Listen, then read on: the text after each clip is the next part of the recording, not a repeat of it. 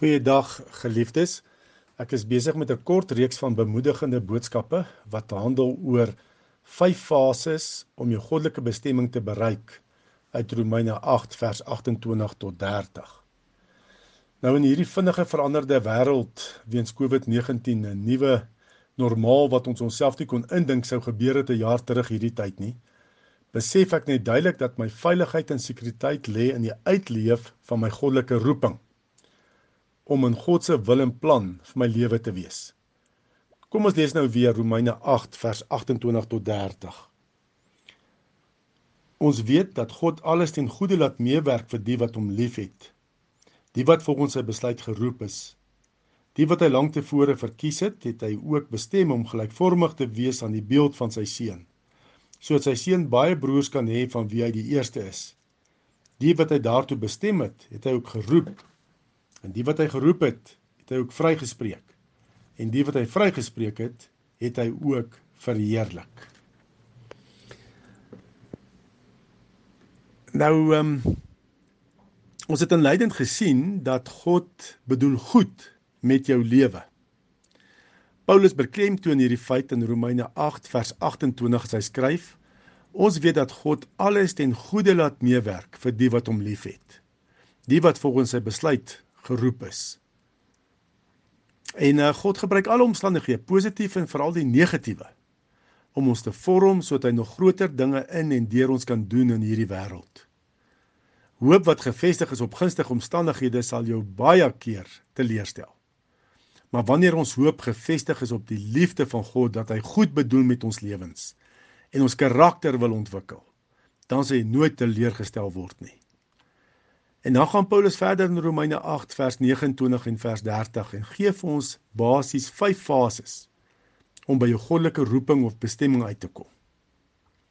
Paulus verbind vers 29 aan vers 28 se geroepenis want hy begin vers 29 met die Griekse woord hoti wat beteken want en is 'n woord wat sinne verbind. Soos ek gesê het alreeds 2 weke terug waar ons stil gestaan het, fase 1 van jou roeping is van die wat hy van tevore geken het. God het voordat jy geskape is en bestaan het, in die hemel 'n boek oor jou lewe geskryf.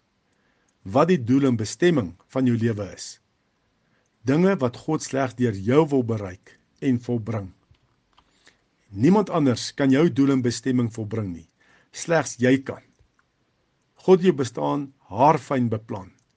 En jou bestaan is vir Here so belangrik en kosbaar dat hy die duurste prys betaal het in die kruis om jou los te koop uit die mag van die bose sodat jy jou goddelike bestemming beskryf in sy boek kan bereik. En nou gaan Paulus verder met fase 2 om jou goddelike bestemming te bereik. Fase 2 ehm um, so staan in die vers Die het hy ook van tevore verordineer om gelykvormig te wees aan die beeld van sy seun, sodat hy die eersgeborene kan wees onder baie broeders. Hoe meer en groter dinge God deur jou wil doen, hoe meer moet jy verander word om gelykvormig te wees aan die beeld van sy seun. En God gebruik alle omstandighede om ons te vorm sodat hy nog groter dinge wat hy vooraf beplan het in en deur ons kan doen in hierdie wêreld uit Jesus se lewe op aarde sien ons drie metodes wat God gebruik om ons te vernuwe na Jesus se beeld. Die eerste is God gebruik swaar kry om ons te leer om op hom te vertrou. In die Bybel word swaar kry baie male beproewinge genoem. Beproewinge is situasies wat God ontwerp het om ons nader na hom te trek. Beproewinge plaas God op ons pad nie om ons seer te maak nie, maar om ons te help groei. As alles net goed gaan in jou lewe, vra dit van jou geen geloof of karakter nie.